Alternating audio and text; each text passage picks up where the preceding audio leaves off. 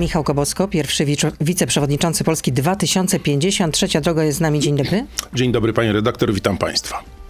Mm, Głos taki rzeźki, czyli będzie dobrze. Trzecia, trzecia droga. W kuluarach mówi się, że PSL jednak chce was zrzucić z sań i pójdą samodzielnie do wyborów. My współpracujemy z PSL-em, stworzyliśmy trzecią drogę i trzecia wiemy. droga funkcjonuje, działa. W tej chwili dopinamy warunki naszej umowy, już tej finalnej umowy koalicyjnej o wspólnym starcie w wyborach. Ja słyszę czasami te pytania, czy PSL nas zaprasza na, na swoje listy wyborcze. Nie, to nie jest prawda, nie ma takiego faktu. Podobnie jak nie ma takiego faktu, że my zapraszamy ludowców na nasze listy. Czyli nie ma takiej możliwości, żeby, żebyście poszli razem e, pod jednym szyldem PSL-u, pod e, zieloną koniczyną do wyborów. Mamy dwa szyldy, Polska 2050 Szymona Hołowni i Polskie Stronnictwo Ludowe. Ale pre, prezes PSL-u mówi, że ma plan awaryjny, no, a z kolei wśród ludowców słychać, no nie możemy igrać z ogniem. Lewica w 2015 roku też poszła w koalicji, też byli pewni swego i co się okazało? Klapa. Wszyscy sobie zdajemy sprawę z realiów, jakie są. Dzisiaj średnia nasza sondażowa przekracza 10%, 10-11%. Zdarzają się chyba dwa sondaże były, które nas ulokowały zadziwiająco nisko. E, natomiast my widzimy potencjał do wzrostu tych notowań. A skąd i ten potencjał do wzrostu? Skąd? Z ciężkiej pracy, która odbędzie się, już ma miejsce, a będzie miała szczególnie miejsce w prawdziwej kampanii wyborczej, bo dzisiaj, jak wiemy, ta kampania, mimo że ona się dzieje, no to ona jeszcze nie, nie mogła zacząć się oficjalnie, ponieważ pan prezydent ciągle nie zarządza wyborów. Dobrze, ale jeździcie po kraju, spotykacie się z wyborcami, więc de facto jest to, jest to jednak kampania. A gdyby taki scenariusz był na stole, to co wtedy? Że PSL mówi, Który albo idziecie, no, że idziecie z nami pod naszym szyldem, albo się rozstajemy, to co wtedy? Są dwa, y, dwie marki, dwa szyldy, dwie organizacje. Jest Ale ja Polska pytam, co by 2000 się stało, gdyby jednak PSL postawiło was pod ścianą i powiedziało, że idziemy pod naszym szyldem, tu- albo się rozstajemy. Ale tu nie ma żadnego stawiania pod ścianą. Są dwie partie, które ja mogę przypominać, jakie wyniki sondażowe nasze dwie partie miały, zanim zaczęliśmy być pokazywani razem jako trzecia droga. E, My byliśmy w tych sondażach wy, wyraźnie wyżej ustawiani niż po, chyba. Zgadzamy się, pani redaktor, co do tego, bo, bo takie liczby łatwo odnaleźć w internecie, więc nie ma żadnego stawiania pod ścianą, ani my ich, ani oni nas. Współpracujemy, list, wspólna lista spraw, porozumienie, które jest publiczne, porozumienie o stworzeniu trzeciej drogi. Teraz dopinamy zasady stworzenia koalicyjnego komitetu wyborczego. Jak będą zarządzone wybory, przedstawimy szczegóły. A tygodnik Polityka pan ceni? E, Ja cenię generalnie wszystkie media, które potrafią przetrwać mimo ciężkich czasów, w których żyją. tylko, tak w razie chodzi tylko o przetrwanie, a nie to, co tam się dzieje tak w tych mediach. Hołownia w A chwilę... różnie, różnie się dzieje w mediach. No, różnie się dzieje. W tygodniku Polityka ostatnim czytałam tak, że Hołownia w chwilach godnościowego wzmożenia odrzuca taki scenariusz pójścia pod y, szyldem PSL-u, ale w momentach depresyjnego realizmu daje PSL-owcom znać, że jest na niego gotowy. Cezary Michalski tak napisał. godnościowe, depresyjne i tak dalej. Pan redaktor, jak każdy dziennikarz w Polsce, ma prawo do swoich ocen. My No patrzymy nie no, rozumiem, że pragmatycznie. opierał taką, y, y, to co napisał, rozumiem, że opierał na jakichś rozmowach, które przeprowadzał y, z, PL, z z tego, PSL-owcami, z tego z co wiem, z Szymonem Hołownią, ze mną, z nami nie rozmawiał na ten temat. To jest prawo do jego oceny. Trudno byłoby mi cenzurować e, tak uznanego autora. Takie ma prawo do swojej oceny sytuacji. My mamy to, tę ocenę sytuacji diametralnie inną. Tak jak powiedziałem, współpracujemy, rozmawiamy. Są dwie oddzielne organizacje, które stworzyły szyld, nie tylko szyld, ale sojusz na wybory parlamentarne. To jest sojusz pod tytułem Trzecia Droga i naszym celem jest stworzenie koalicyjnego komitetu wyborczego. Czyli startujecie w ramach trzeciej drogi i nic się tutaj nie zmieni.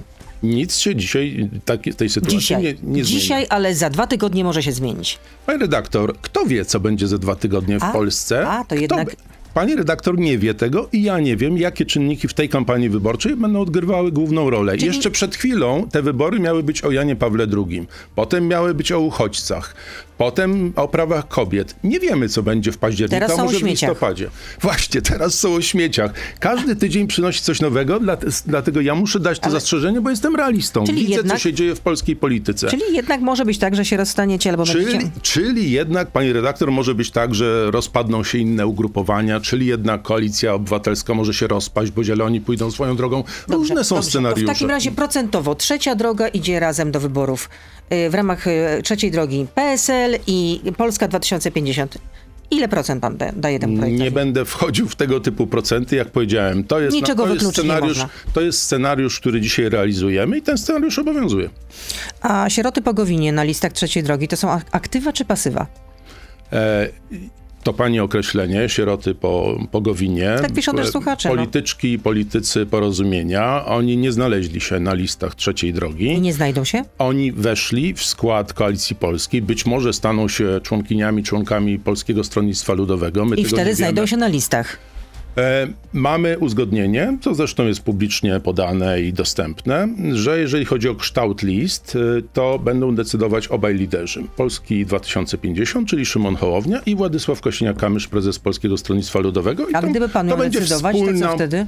Gdybym ja miał decydować, no, y, powiem też y, jakby o tym, bo, bo o tym Szymon Hołownia też już publicznie powiedział. My sobie nie za bardzo wyobrażamy współpracę z osobami, które współtworzyły rząd tak zwanej Zjednoczonej Prawicy, e, które popierały te linie, brały udział w decyzjach, no bo przez większość istnienia tego rządu, tak zwanej Zjednoczonej Prawicy, Partia Porozumienia Jarosława Gowina była częścią tego rządu i wtedy oni nie zgłaszali głosów, zdań odrębnych, które by wskazywały, że inaczej myślą, inaczej działają, mają inne cele.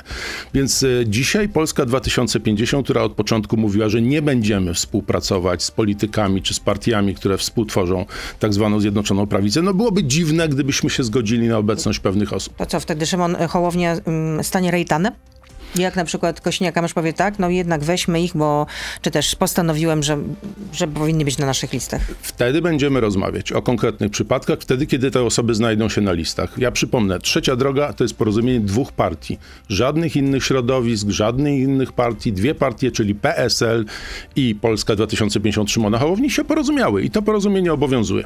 A Artur Dziambor na listach y, trzeciej drogi, były członek Konfederacji, teraz wolnościowiec? Ja nie wiem, czy to jest scenariusz. Pan Artur Dziambor, z tego co mi wiadomo, nie dołączył ani do Ale jakieś PSL, rozmowy ani się do toczą. No tutaj mówił Piotr Zgorzelski, będąc w tym y, studiu, siedząc na pana to, ale miejscu. to, to, to jest pytanie do Piotra Zgorzelskiego. no ale Jeżeli on sugerował, że toczy jednak takie, jest to takie rozmowy. prawdopodobne, że jest to niewykluczone. E, Różne rzeczy są niewykluczone. Jeżeli takie nazwisko się pojawi, to będziemy na ten temat rozmawiali. Znowu, jeżeli A na pani ten moment zapyta tak, mnie tak. osobiście, Pytam pana. to moja osobista opinia jest taka, że pan Ar- Artur Dziambo reprezentuje pewne poglądy gospodarcze, które są mi bliskie, dość liberalne, które są mi bliskie i pod którymi pewnie mógłbym się podpisać. Natomiast e, cała szeroka sfera poglądów, które on reprezentuje, partia, w której on uczestniczył, był przecież twarzą tej partii przez, e, przez długie lata, czyli Konfederacja, jest absolutnie sprzeczna z moim myśleniem o, o życiu publicznym, o głównych sprawach społecznych. E, Samo to, Byłby że opór. Byłby opór ze strony jest Polski jedną z osób, które 2050. podpisały się pod wnioskiem, nieszczęsnym wnioskiem do Trybunału Konstytucyjnego w sprawie aborcji, pan Artur Dziambor. No, e, jako zagł- Konfederacja wtedy. ja, rzecz jasna. Ale ostatnio zagłosował w, w sprawie tak zwanej ustawy Kamilka w sposób zupełnie odwrotny, sprzeczny z tym, co, co my wyznajemy, co my uważamy. Jeszcze raz, trudno byłoby mi sobie wyobrazić taką osobę i takie nazwisko na liście, której współautorem jest Szymon Hołownia. Finansowanie też jest dogadane? A finansowanie jest elementów, wspomniałem o tym, że w tej chwili rozmawiamy, negocjujemy umowę koalicyjną z PSL-em i finansowanie jest jednym, rzecz jasna, z elementów tej rozmowy. No słyszymy, że PSL to będzie zaciągało kredyt. A wy jak? No dostaniecie My kredyt? również, my również będziemy zaciągać kredyt. A dostaniecie pieniądze? Na co No, dostaniecie jak- kredyt? W banku to jest tak, że jak się dostaje kredyt, to się ma kredyt i to No wie nie, no, czy każdy, są gwarancje? próbował. Czy, czy są jakieś gwarancje, Mamy- które możecie dać, żeby ten kredyt dostać? Mamy promesę uzyskania kredytu dla naszej organizacji i e, na tym e, budujemy nie tylko nadzieję, ale pewność, że będziemy dysponowali także, podobnie jak PSL i jak sądzę, jak inne partie, kredytem na kampanię A wyborczą. skąd ta promesa? E, Z jednego z banków. Proszę wybaczyć, ale do, ani nie będę reklamował, ani nie będę mówił, bo to może wpłynąć także w jakiś sposób na no, działania, działania także sektora Ale to bankowego. jest, to jest polski bank, czy jednak zagraniczny?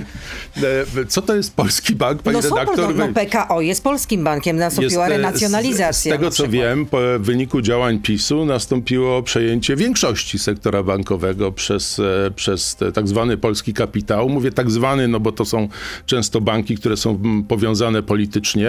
E, Jeden z banków, które w Polsce działają, chociaż rozmawiamy z kilkoma bankami, jeden z banków udzielił takiej promesy. Kompromis.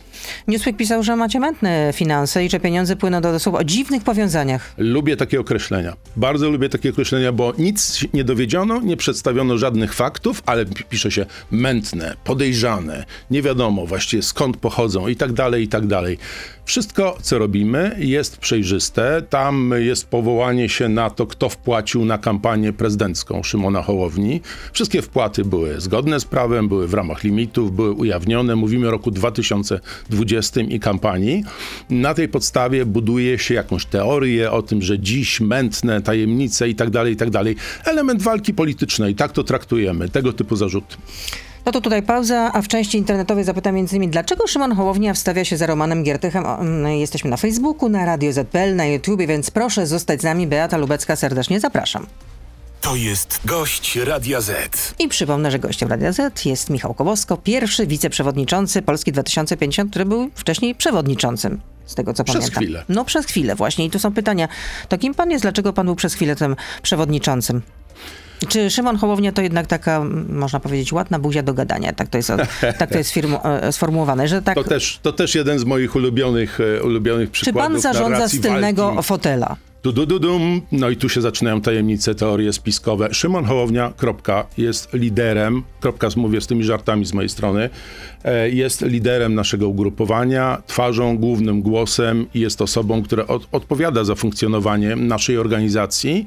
My, jako zarząd partii, bo mówię tutaj o partii, bo, bo w tej organizacji ja uczestniczę, wspieramy go w tych działaniach, organizujemy pracę partii, organizujemy na przykład takie fronty jak rozmowy o pakcie senackim, jak rozmowy z naszym naszymi partnerami z PSL i tak dalej, i tak dalej, i tak dalej. To jest, że tak powiem, normalna organizacja, w której jest lider, tak jak w innych polskich partiach politycznych i jest cała struktura, której ja jestem częścią.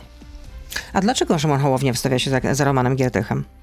Szymon Hołownia powiedział publicznie chyba dwa razy, jeżeli ja więcej nie dostrzegłem, że uważa, że Roman Giertych, mimo swojej fatalnej, złej, i tutaj ja jestem tego samego zdania, historii jako minister edukacji i lider Ligi Polskich Rodzin, przeszedł pewną, nazwijmy to, przemianę. Ostatnie lata to dość jasny, myślę, dla wszystkich sygnał, że on nie tylko we swojej własnej sprawie, która przecież też jest znana publicznie, ale w sprawach związanych z walką o praworządność, czyli z walką tak naprawdę o prawa człowieka i obywatela, jest jednym z najgłośniejszych głosów tej walki.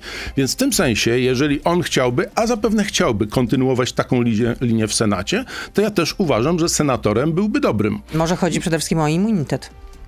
A ja już słyszałem, że syn prezesa Najwyższej Izby Kontroli także dlatego startuje do Sejmu, mówi, że, że chodzi, że chodzi o immunitet. No, mówi, że nie. O, o każdym, o każdym Ale można to rozumiem, powiedzieć, że startuje Hołownia, do a pan też wierzy w temat, to pan też uważa, że ta metamorfoza e, e, Romana Giertycha jest dla pana wiarygodna?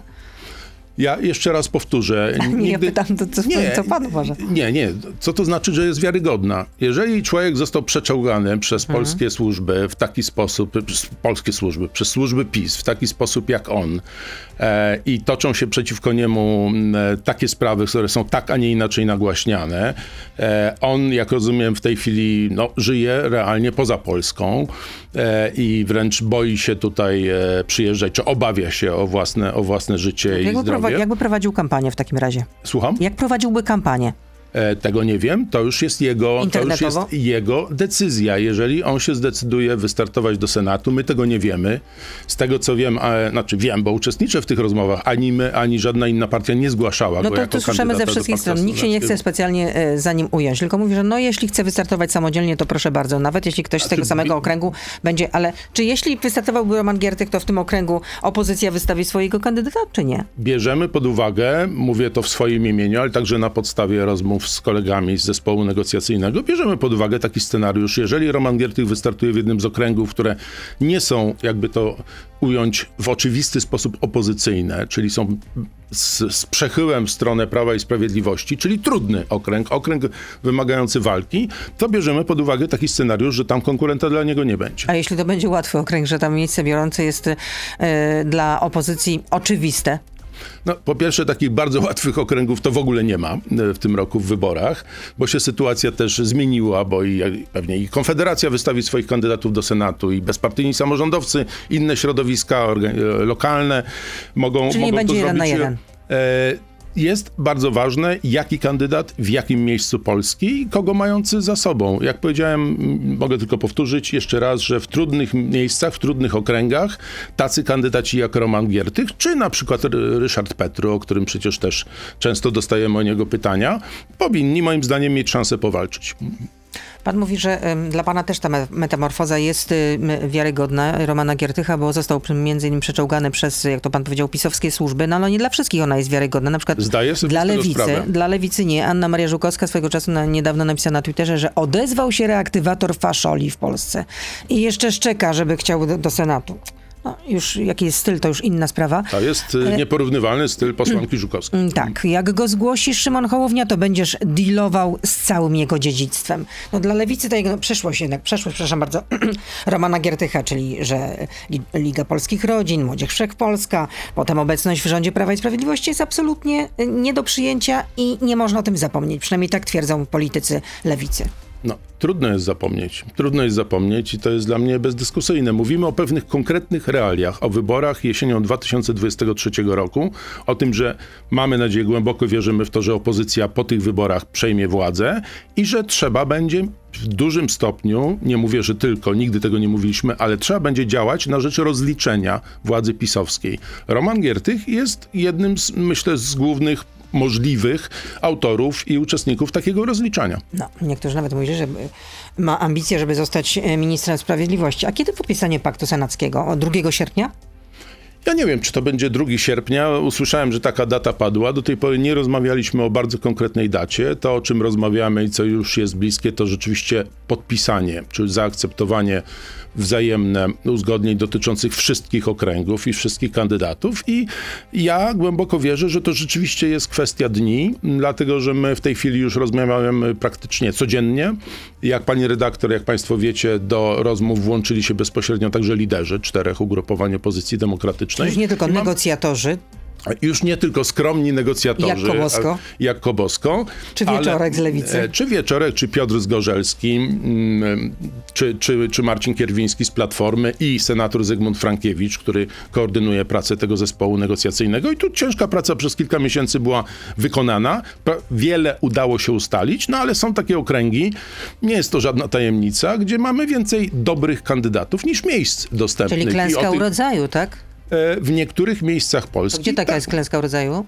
No, nie jest wielką tajemnicą, że rozmawiamy o Warszawie, rozmawiamy o okręgach e, na Śląsku. No, myślę, że te największe miasta i największy region e, Śląsk to są te miejsca, gdzie jeszcze zostały nam rzeczy do ustalenia, ale to już naprawdę jest na ostatniej drodze. Mamy też e, grupę chyba kilku, może dziesięciu okręgów, gdzie przeprowadzane są badania rozpoznawalności kandydatów, które nas wspomogą mocno przy podjęciu decyzji, ale te badania są przeprowadzane przede wszystkim w tych okręgach, w których opozycja ma umiarkowane szanse na sukces, ma szanse, ale to nie są łatwe okręgi i tam mamy też kandydatów, których, których jest kilku z różnych ugrupowań i w tej chwili to badamy.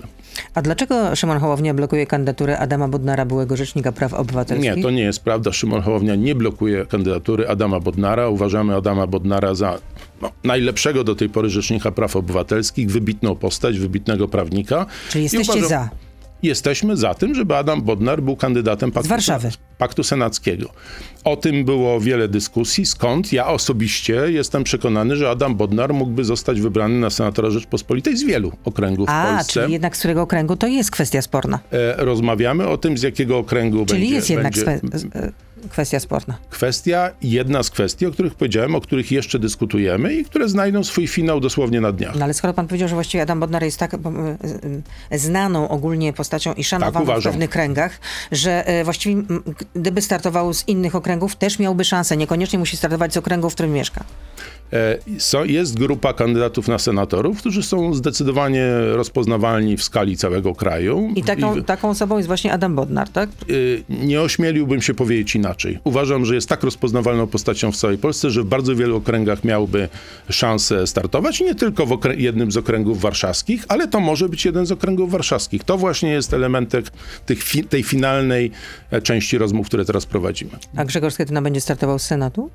Nic mi o tym nie wiadomo. A takie na, nazwiska nie tej, pojawiły się? na tej liście, którą ja znam, kandydatów zgłoszonych przez e, Koalicję Obywatelską, nie ma nazwiska pana Grzegorza Schetyny. No są spekulacje, że, że nad tym się mocno zastanawia Donald Tusk. To oczywiście nie dotyczy waszej partii. No to jest wewnętrzna że, sprawa Tak, że Grzegorz. Schetyna jednak może zostać zesłany do Senatu, chociaż on sam chce startować z jedynki w Jeleniej Górze.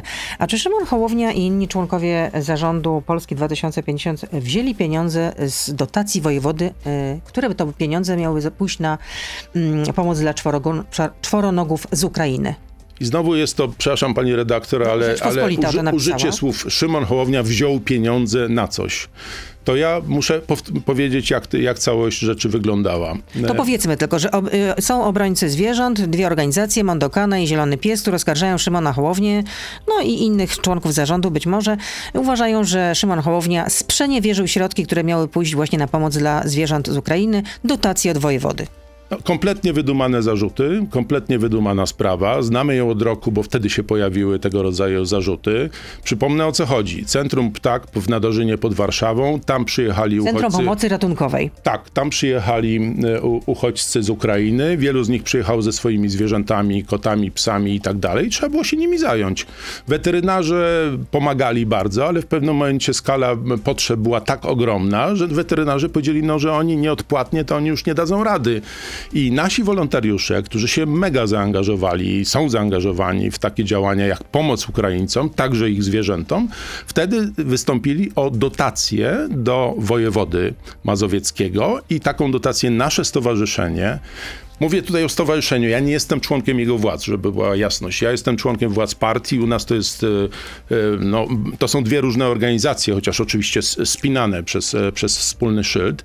Natomiast nasi wolontariusze wystąpili o dotację. 107 tysięcy złotych z haczykiem zostało przelane na działania, które były zrealizowane, które zostały rozliczone w terminie. Jak rok temu pojawiły się tego typu zarzuty w naszą stronę, to odbyła się kontrola zrealizowana no, na, na zamówienie byłego już wojewody mazowieckiego spisu i ta kontrola wykazała, że te pieniądze zostały we właściwy sposób wydane. Więc nie ma mowy o tym, że Szymon Hołownia wziął jakieś pieniądze, ukradł biednym zwierzętom i tak dalej, i tak dalej. Ale Można jest zawi- zawiadomienie do prokuratury i prokuratura, warszawska Tak, prokuratura będzie- regionalna się będzie, I tym będzie zajmować. nasza odpowiedź prawna. Przygotowujemy w tej chwili dokumenty i złożymy zawiadomienie, bo nie możemy pozwolić na to, żebyśmy byli obrażani, szkalowani i żeby była taka budowana cała teoria, że Ale wy Hołownia chcecie ukradł... złożyć zawiadomienie do prokuratury? My, my będziemy, my wejdziemy na drogę prawną, bo nie możemy, jak powiedziałem, Ale sprawa będziecie, znana... znaczy będzie pozew wobec tych dwóch organizacji? To jest w tej chwili w przygotowaniu. To nad, nad tym w tej chwili pracujemy. Poinformujemy, jak złożymy, bo to jest kwestia... Czyli będzie pozew do sądu wobec tych dwóch organizacji Mondokany i Zielony Pies, które uważają, że sprzeniewierzyliście pieniądze. nie możemy pozwalać na to, że ktoś buduje nasz wizerunek, naszego stowarzyszenia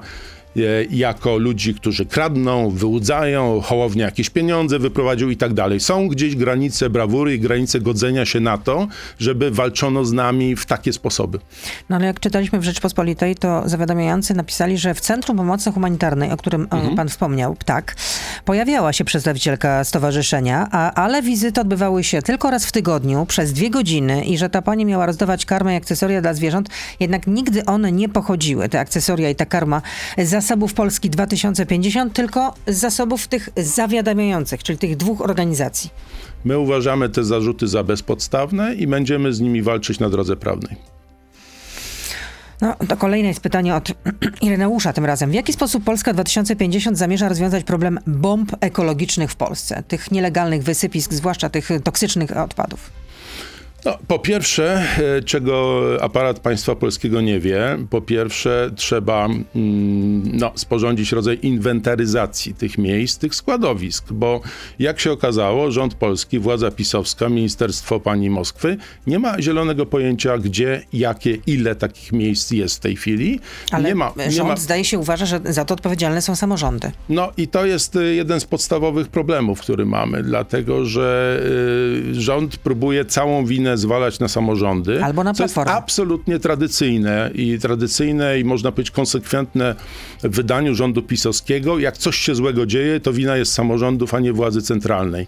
Podczas gdy doskonale wiemy, że samorządy, jednostki samorządu terytorialnego nie dysponują środkami w swoich budżetach, budżetach, które zostały okrojone w wyniku działania rządu pisowskiego w ostatnich latach, nie dysponują środkami wystarczającymi na likwidację tego typu składowisk i Tych pieniędzy również nie tych miał prezydent ekolo- Zielonej Góry, chociaż y, zgodnie z decyzją NSA, to on właśnie był odpowiedzialny za to, żeby te, tego składowiska się pozbyć. No, Prezydent Zielonej Góry nie jest, nie jest postacią z mojej bajki, No, ale- ale, ale, ale, Ale wnioskował o pieniądze, o dotacje, nie dostał ich. nie dostał tych pieniędzy. Dzisiaj samorządy, jak z nimi rozmawiamy w całej Polsce, mówią, że oczywiście wiedzą, rozumieją skalę problemu, no ale tych pieniędzy nie ma. Najpierw, I najpierw inwentaryzacja. Co dalej? Najpierw inwentaryzacja, potem przygotowanie, nie wiem, być może specjalnego funduszu, z którego będą środki, gdzie będą gromadzone środki, a następnie przeznaczane na likwidację tych miejsc, które inwentaryzacja przekaże, no współpłacone zapewne przez, przez samorządy i Czyli przez część władzę z centralną. pieniędzy samorządu, część z rozumiem. tego tak rozumiem. funduszu. Tu nie chodzi o to, że samorządy mają się pozbyć odpowiedzialności za to, co się dzieje na ich terenie.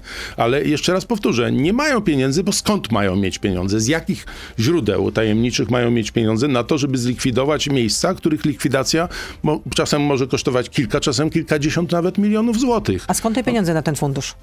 No, pieniądze na ten fundusz y, znajdą się wtedy, kiedy państwo nie będzie rozrzucało pieniędzy na inne bzdurne cele, na które w tej chwili rozrzuca. A może I z Funduszu Sprawiedliwości, jak proponuje ym, poseł Kucharska-Dziedzic?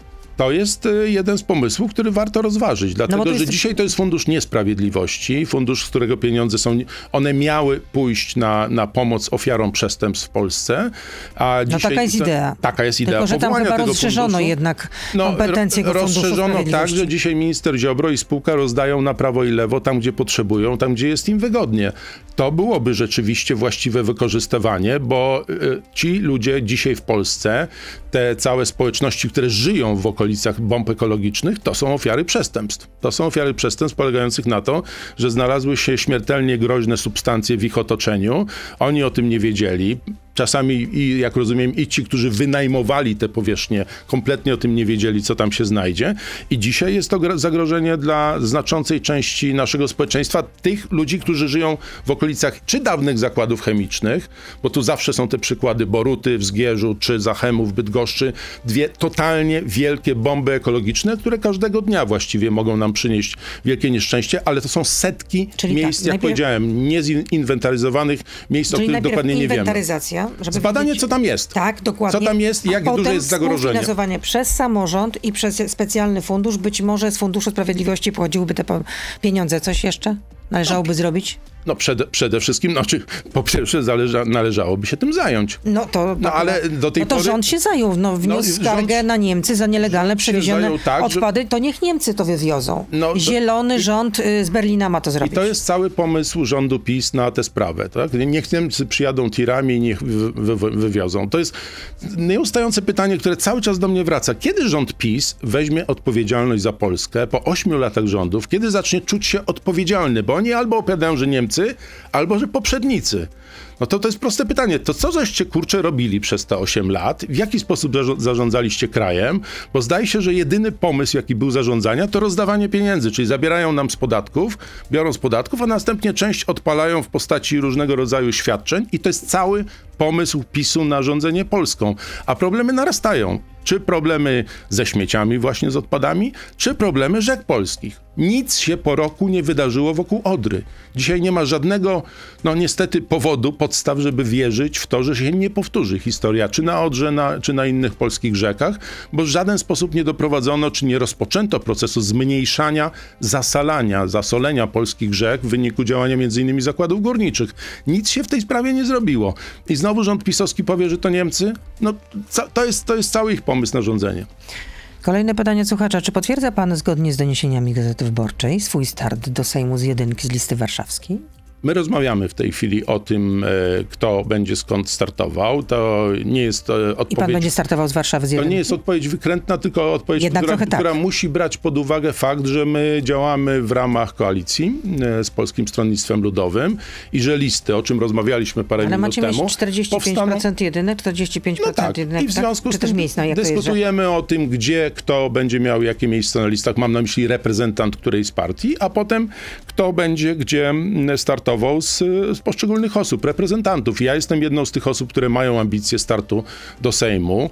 Z E, Warszawy. Czeka, czekam na decyzję e, Szymona Hołowni, który sam będzie podejmował decyzję, rzecz jasna, o tym, z Aha, którego to okręgu zależy, on, on czy zależy od tego, że może Szymon Hołownia się jednak zdecyduje na Warszawę, tak? E, Czekamy na decyzję, to jest prawo mm, i przywilej lidera i odpowiedzialność lidera, żeby zdecydować o tym, skąd on będzie A jeśli nie osobiście- wystartuje z jedynki z Warszawy, to pan będzie startował z jedynki z Warszawy? Jeżeli nie wystartuje z jedynki z Warszawy, to jeden ze scenariuszy zakłada, że ja będę startował wówczas z Warszawy, ale jak powiedziałem, takie decyzje finalne jeszcze nie zapadły.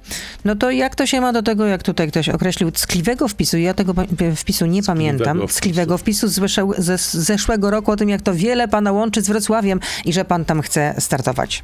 E, Ja czuję się związany z miastem Wrocławiem, chociaż nie jestem związany rodzinnie i rzeczywiście uważam to miasto za jedno z najważniejszych i najpiękniejszych w Polsce. Natomiast jak powiedziałem, decyzja finalna o tym, skąd będę startować, jeszcze nie zapadła i to będzie decyzja wspólna władz naszej partii, a przede wszystkim naszego lidera.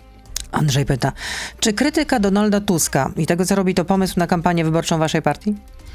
E, Nie wiem, o jakiej krytyce Donalda Tuska tutaj jest mowa. Tutaj musiałbym dostać konkretne, konkretne pytanie, konkretną wypowiedź, bo e, ja. No chociaż ja ostatnio to może nie była krytyka, ale kontestował się- pan pomysł e, marszu 1 października. Słyszałam pana wypowiedź, że no, pan to chętnie by poszedł, gdyby to teraz był ten marsz, ale w październiku to właściwie to o czym to będzie? No ja przypomnę, o czym miał być Miał marsz być. 1 października. Miał W obronie być, kobiet. Miał Praw to być kobiet. marsz związany z konkretną sytuacją, z konkretnym przypadkiem pani Joanny z Krakowa. I na tej bazie miał to być marsz dotyczący szerzej praw, praw kobiet. Ja nie wiem, o czym będzie marsz, który będzie za mm, ponad dwa miesiące od teraz. I w związku, nie wie, I- w związku z tym nie wie pan, czy weźmie pan w tym e, marszu? Znaczy, jeżeli, jeżeli to będzie marsz dotyczący praw kobiet, tak jak powiedziałem, to absolutnie wezmę w nim udział. A jeżeli nie? to by, widzi pani, to jest tak, że to jest marsz organizowany przez Platformę Obywatelską, jak rozumiem, przez Komitet Wyborczy. Koalicji może byście się wszyscy tak generalnie skrzyknęli Ale i, ja- i wspólnie go zorganizowali? jeszcze jest taka drobna rzecz, którą wiem, że wiele osób w Polsce się nie przejmuje, bo my się generalnie nie przejmujemy przepisami, regulacjami, które istnieją. Są przepisy wyborcze. Jeżeli ten marsz będzie organizowany przez Komitet Wyborczy Koalicji Obywatelskiej, to ja jako przedstawiciel innego komitetu wyborczego nie mam prawa tym uczestniczyć, bo byłoby to, no, że tak powiem, związki między komitetami, które nie mogą mieć ze sobą związków. My nie że możemy korzystać z imprez organizowanych przez inne komitety wyborcze, więc ja wiem, że to brzmi jak, może brzmieć jak wykręt, ale takie mamy prawo w Polsce. Tak, e, tak może czasami beznadziejne mamy Wszystkie prawo. komitety wyborcze, na przykład po stronie opozycyjnej, nie mogłyby wspólnie zorganizować e, tego marszu. Jakie, co mówi tutaj prawo? E, Wydaje mi się, nie jestem prawnikiem od prawa wyborczego i, i, i we wszystkie detale tutaj nie będę wchodził, żeby nie, nie ryzykować na jakieś niepotrzebne, nie ryzykować niepotrzebnych błędów. Wydaje mi się, że współpraca komitetów generalnie nie jest możliwa w e, polskim prawie wyborczym.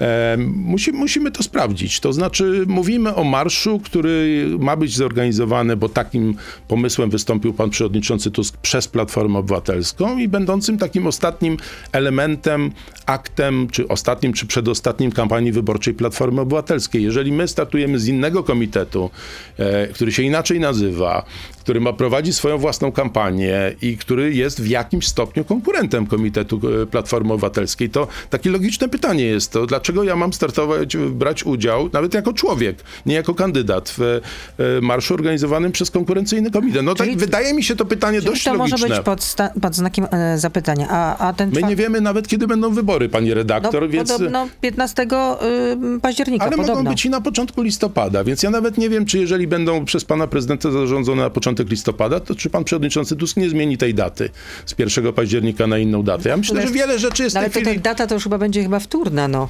No, 1 No, nie, października. no, no tak, ale to już będzie, nie no, chodzi o to, że było przed dwa tygodnie przed domniemaną datą wyborów do parlamentu, do polskiego Sejmu, ale przecież no, datę można zmienić, to akurat jest wtórne. Czyli to jest pod znakiem zapytania. Jan pyta, ilu macie jeszcze członków i, i jeśli tak, to czy ci członkowie o tym wiedzą, że są w Polsce 2050? Nieco złośliwe pytanie, ale nie No nie, to nie jest nieco złośliwe pytanie, tylko to jest ilu jeszcze macie członków. Mhm. Tak? To znaczy, to jest takie pytanie, gdzie każde słowo muszę rozebrać i powiedzieć, że tak. Po pierwsze, my działamy, no to będzie dłuższy wywód, tak? Bo jak jest y, pytanie tendencyjne i przekręcające rzeczywistość, to trzeba wyjaśnić. Mamy y, w naszym ruchu jest stowarzyszenie, które liczy kilka tysięcy członków. Jak powiedziałem, nie jestem we władzach tego stowarzyszenia, więc nie znam nawet bieżącej, aktualnej liczby. I to jest największa organizacja, Stowarzyszenie Polska 2050, które jest częścią naszego ruchu. Jest partia polityczna, w której, e, w której zarządzie ja uczestniczę. I tam mamy w tej chwili około tysiąca członków, nieco mniej niż, e, niż tysiąc. Nigdy nie zakładaliśmy, że to będzie duża Czyli organizacja. partia ma poniżej, naszym... poniżej tysiąca, tak? Tak, ale jest, jest wiele osób, które się tysięcy. w tej chwili ubiega, ubiega o włączenie, o wejście, o zostanie członkami naszej partii. No, my z góry mówiliśmy... No nie jest partia... to partia, maso, partia masowa. A co to jest w Polsce partia masowa, pani No redaktor? chyba nie ma takich, natomiast no, są No partie, właśnie, w które Polsce, mają... Polsce Polacy nie chcą No nie należeć jest do partii. Solidarności, który miał kilka milionów, natomiast Nie no, ma są... takiej partii w Polsce. Nie ma, natomiast to jest takie, które mają 40 tysięcy, czy tam 20 tysięcy. Nadal w 37 czy 8 milionowym kraju to jest y, mi, nikły promil. No tylko Ludzie w przyzna pan, Polsce że nie chcą. 40 tysięcy, a 1000 jest to jednak pokaźna różnica. Tak, ale troszeczkę krótszy mamy czas istnienia i funkcjonowania, pani redaktor. Troszeczkę. Troszeczkę, tak. Niektóre partie istnieją ponad 20 lat. Y, Gabi pyta, czy nie szkoda wam y, tego, jak się rozmieniliście na drobne, idąc z PSL-em, jak niegdyś Kukiz? Czy nie lepiej byłoby... Nie był, czy nie lepiej było przyłączyć się do Donalda Tuska, mając jeszcze wtedy mocną pozycję i wtedy można by rozdawać karty? My świadomie wybraliśmy taką drogę, trzecią drogę, y, dlatego że porozumieliśmy się z PSL-em. To była ta partia, Rozumiem, która. chodzi wam o to, żeby ten szyld jednak zachować, żeby broń Boże się nie roztopić. No, trzecia droga jako szyld, jako nazwa została wybrana nieprzypadkowo, rzecz jasna, i, i dotyczyła pewnej, dotyczy pewnej konkretnej wizji, którą, którą przedstawiamy i oferty, którą mamy dla wyborców. Dwie partie, które chciały ze sobą rozmawiać, się porozumiały. Inne partie mówiły, że chcą rozmawiać, ale takiego zainteresowania rozmowami z ich strony nie było. My się nigdzie nie napraszamy, my do nikogo nie będziemy chodzić po prośbie i, i być jakimś ubogim krewnym. Rozmawialiśmy, uzgodniliśmy pewne, pewne sprawy P, z PSL-em. Jeżeli to wszystko będzie dotrzymane przez obie strony, no to wtedy będziemy tworzyć sojusz nie tylko na wybory parlamentarne, ale pewnie także na następne wybory, czyli samorządowe. No jest kolejne pytanie. Mieliście przekonać 4 miliony wyborców, a jak na razie tych y, waszych potencjalnych po, mm, zwolenników ubywa. No to co się dzieje? No, wszystkie pytania są jakoś ze sobą powiązane. No są, częściowo odpo- są, częściowo są, przed chwilą tak. od- odpowiadałem. Oczywiście dla części naszych wyborców, e, tych pierwszych naszych wyborców, czy sympatyków e, raczej, to, że połączyliśmy siły w, e, w tym no, sojuszu wyborczym z PSL-em, to było zastanawiające. Nie wszystkim się to spodobało. Nie wszyscy uznali, że to jest właściwa droga dla nas, dla Polski 2050, która jest nowym ugrupowaniem, łączyć siły z najstarszym ugrupowaniem. No ale jak powiedziałem, tu było, tu było i zainteresowanie, i zrozumienie, i potrzeba z obu stron, ze strony PSL-u i z naszej strony. Połączyliśmy siły. W tej chwili te notowania są niższe, ale są niższe z, no, z oczywistej przyczyny związanej z marszem 4 czerwca. Po tym marszu obniżyło się no, o kilka punktów nam i obniżyło się lewicy. Wszyscy znamy Czyli Donald wyniki. Tusk zrobił wam krzywdę. Wszyscy, no ale, to, panie redaktor, znaczy, to jest generalne pytanie, takie muszę sformułować, jaki jest cel opozycji tej jesieni?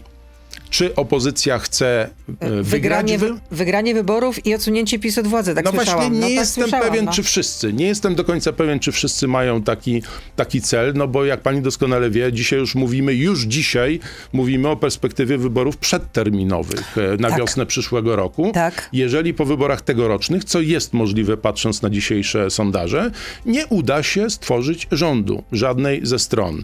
My obawiamy się tego skutków wzrostu notowań konfliktu Konfederacji. My uważamy, że pod atrakcyjnym opakowaniem ten cukierek jest gorzki bardzo w środku dla wszystkich wyborców i ci, którzy dzisiaj deklarują poparcie wysokie, muszę powiedzieć, dla Konfederacji, nie wiedzą do końca, jaki towar im się oferuje, albo zamykają oczy na skutki ewentualnego sukcesu wyborczego Konfederacji. My uważamy, że te skutki byłyby fatalne społecznie w Polsce, bo to nie jest po prostu program dla Polski w dzisiejszej sytuacji społecznej, w dzisiejszej sytuacji społeczeństwa polskiego. To jest po prostu program, który przedstawia Konfederacja, który mówi, jak jesteś młody, zdrowy i zamożny, to mamy coś dla ciebie. Jeżeli nie należysz do e, wszystkich tych trzech grup, nie mamy dla ciebie żadnej oferty.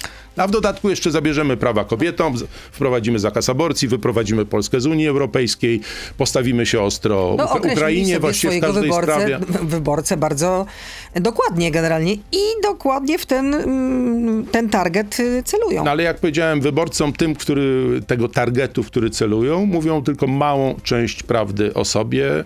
Zobaczymy, jak to będzie w kampanii. To jeszcze jedno pytanie. W jaki sposób Trzecia Droga chce być alternatywą dla popisu? No zresztą tak mówicie, że to już ta polaryzacja jest nie do zniesienia. Skoro wszyscy wasi posłowie to tak zwani spadochroniarze z koalicji obywatelskiej, a po drugie i tak chcecie wchodzić z nimi w koalicję. Robicie cyrk z demokracji, przychodzicie z jednej partii do drugiej tylko po to, żeby razem rządzić. Cyrk z demokracji. No to jest e, bardzo poważne e, oskarżenie, ostrzeżenie. Ja słyszałem przez ostatnie lata, że właściwie w Polsce już nie ma demokracji.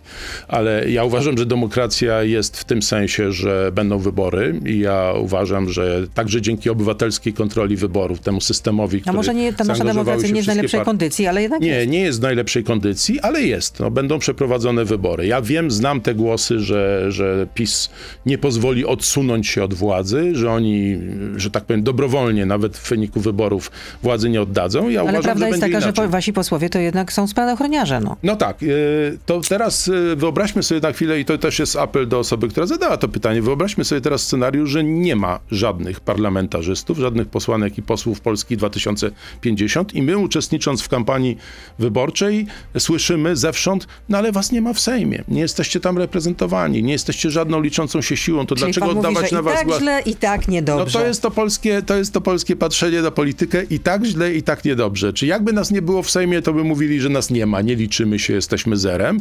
Jak mamy posłów, którzy tak świadomie z Szymon własnej Hołownia nieprzy... mówił, że to będzie nowa jakość, a, Tak. a tymczasem okazało się, to jest brutalne zderzenie z rzeczywistością, że nic z tej Jest nowej to- jakości nie będzie. No, pani redaktor, pełna niezgoda między nami, dlatego że cały czas uwaga koncentruje się, co jest naturalne, bo jest Sejm, są kamery, mikrofony i tak dalej, na naszym niewielkim stosunkowo kole parlamentarnym, podczas gdy wprowadzamy do polskiej polityki rzesze ludzi, którzy nigdy nie działali w polskiej polityce. To nie jest łatwe zadanie. No zobaczymy, kto niech Polsce- na- zagłosuje i w jakiej No. formule. No tak, tak i, no i znowu, tak, y, jedni powiedzą, o macie beznadziejnych kandydatów, bo są słabi, a, a my mówimy, zaraz, moment, nikt nie wprowadza nowych ludzi do polityki, tylko Polska 2050. Wszyscy inni mają ludzi, którzy są w polskiej polityce długo, a niektórzy, No, powiem twardo, niektórzy są za długo, Czyli za długo. naśladujecie na przykład Ryszarda Petru. On też wprowadził jakichś nowych ludzi do polityki. Y, Bardzo łatwe jest porównywanie nas z innymi organizacjami No, typu właśnie Nowoczesna, to jest Palikot, case, no. Kukis.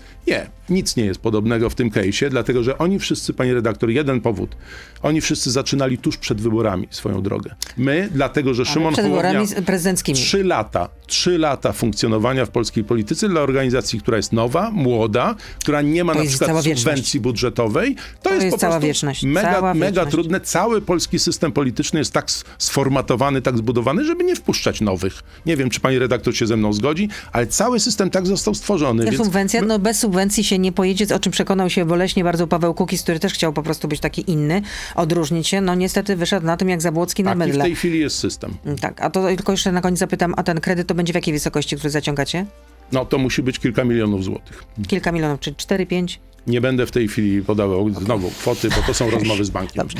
Michał Kobosko, pierwszy wiceprzewodniczący Polski 2050 był z nami i Dziękuję trzecia bardzo. droga, Miłego dnia. wzajemnie. To był gość Radia Z. Słuchaj codziennie w Radio Z i na player radioz.pl.